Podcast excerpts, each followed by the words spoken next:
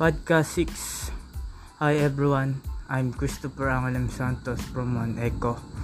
Our topic for today is all about step by step in disassembly before removing the nose cone. The cone shaped nose of a rocket or aircraft.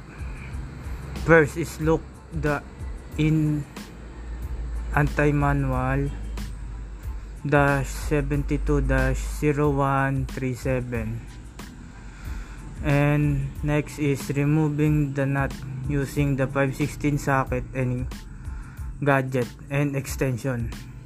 Nut is 21 assembly. Nut is actually losing is the nut. Is gear and serving the bearing and bulb.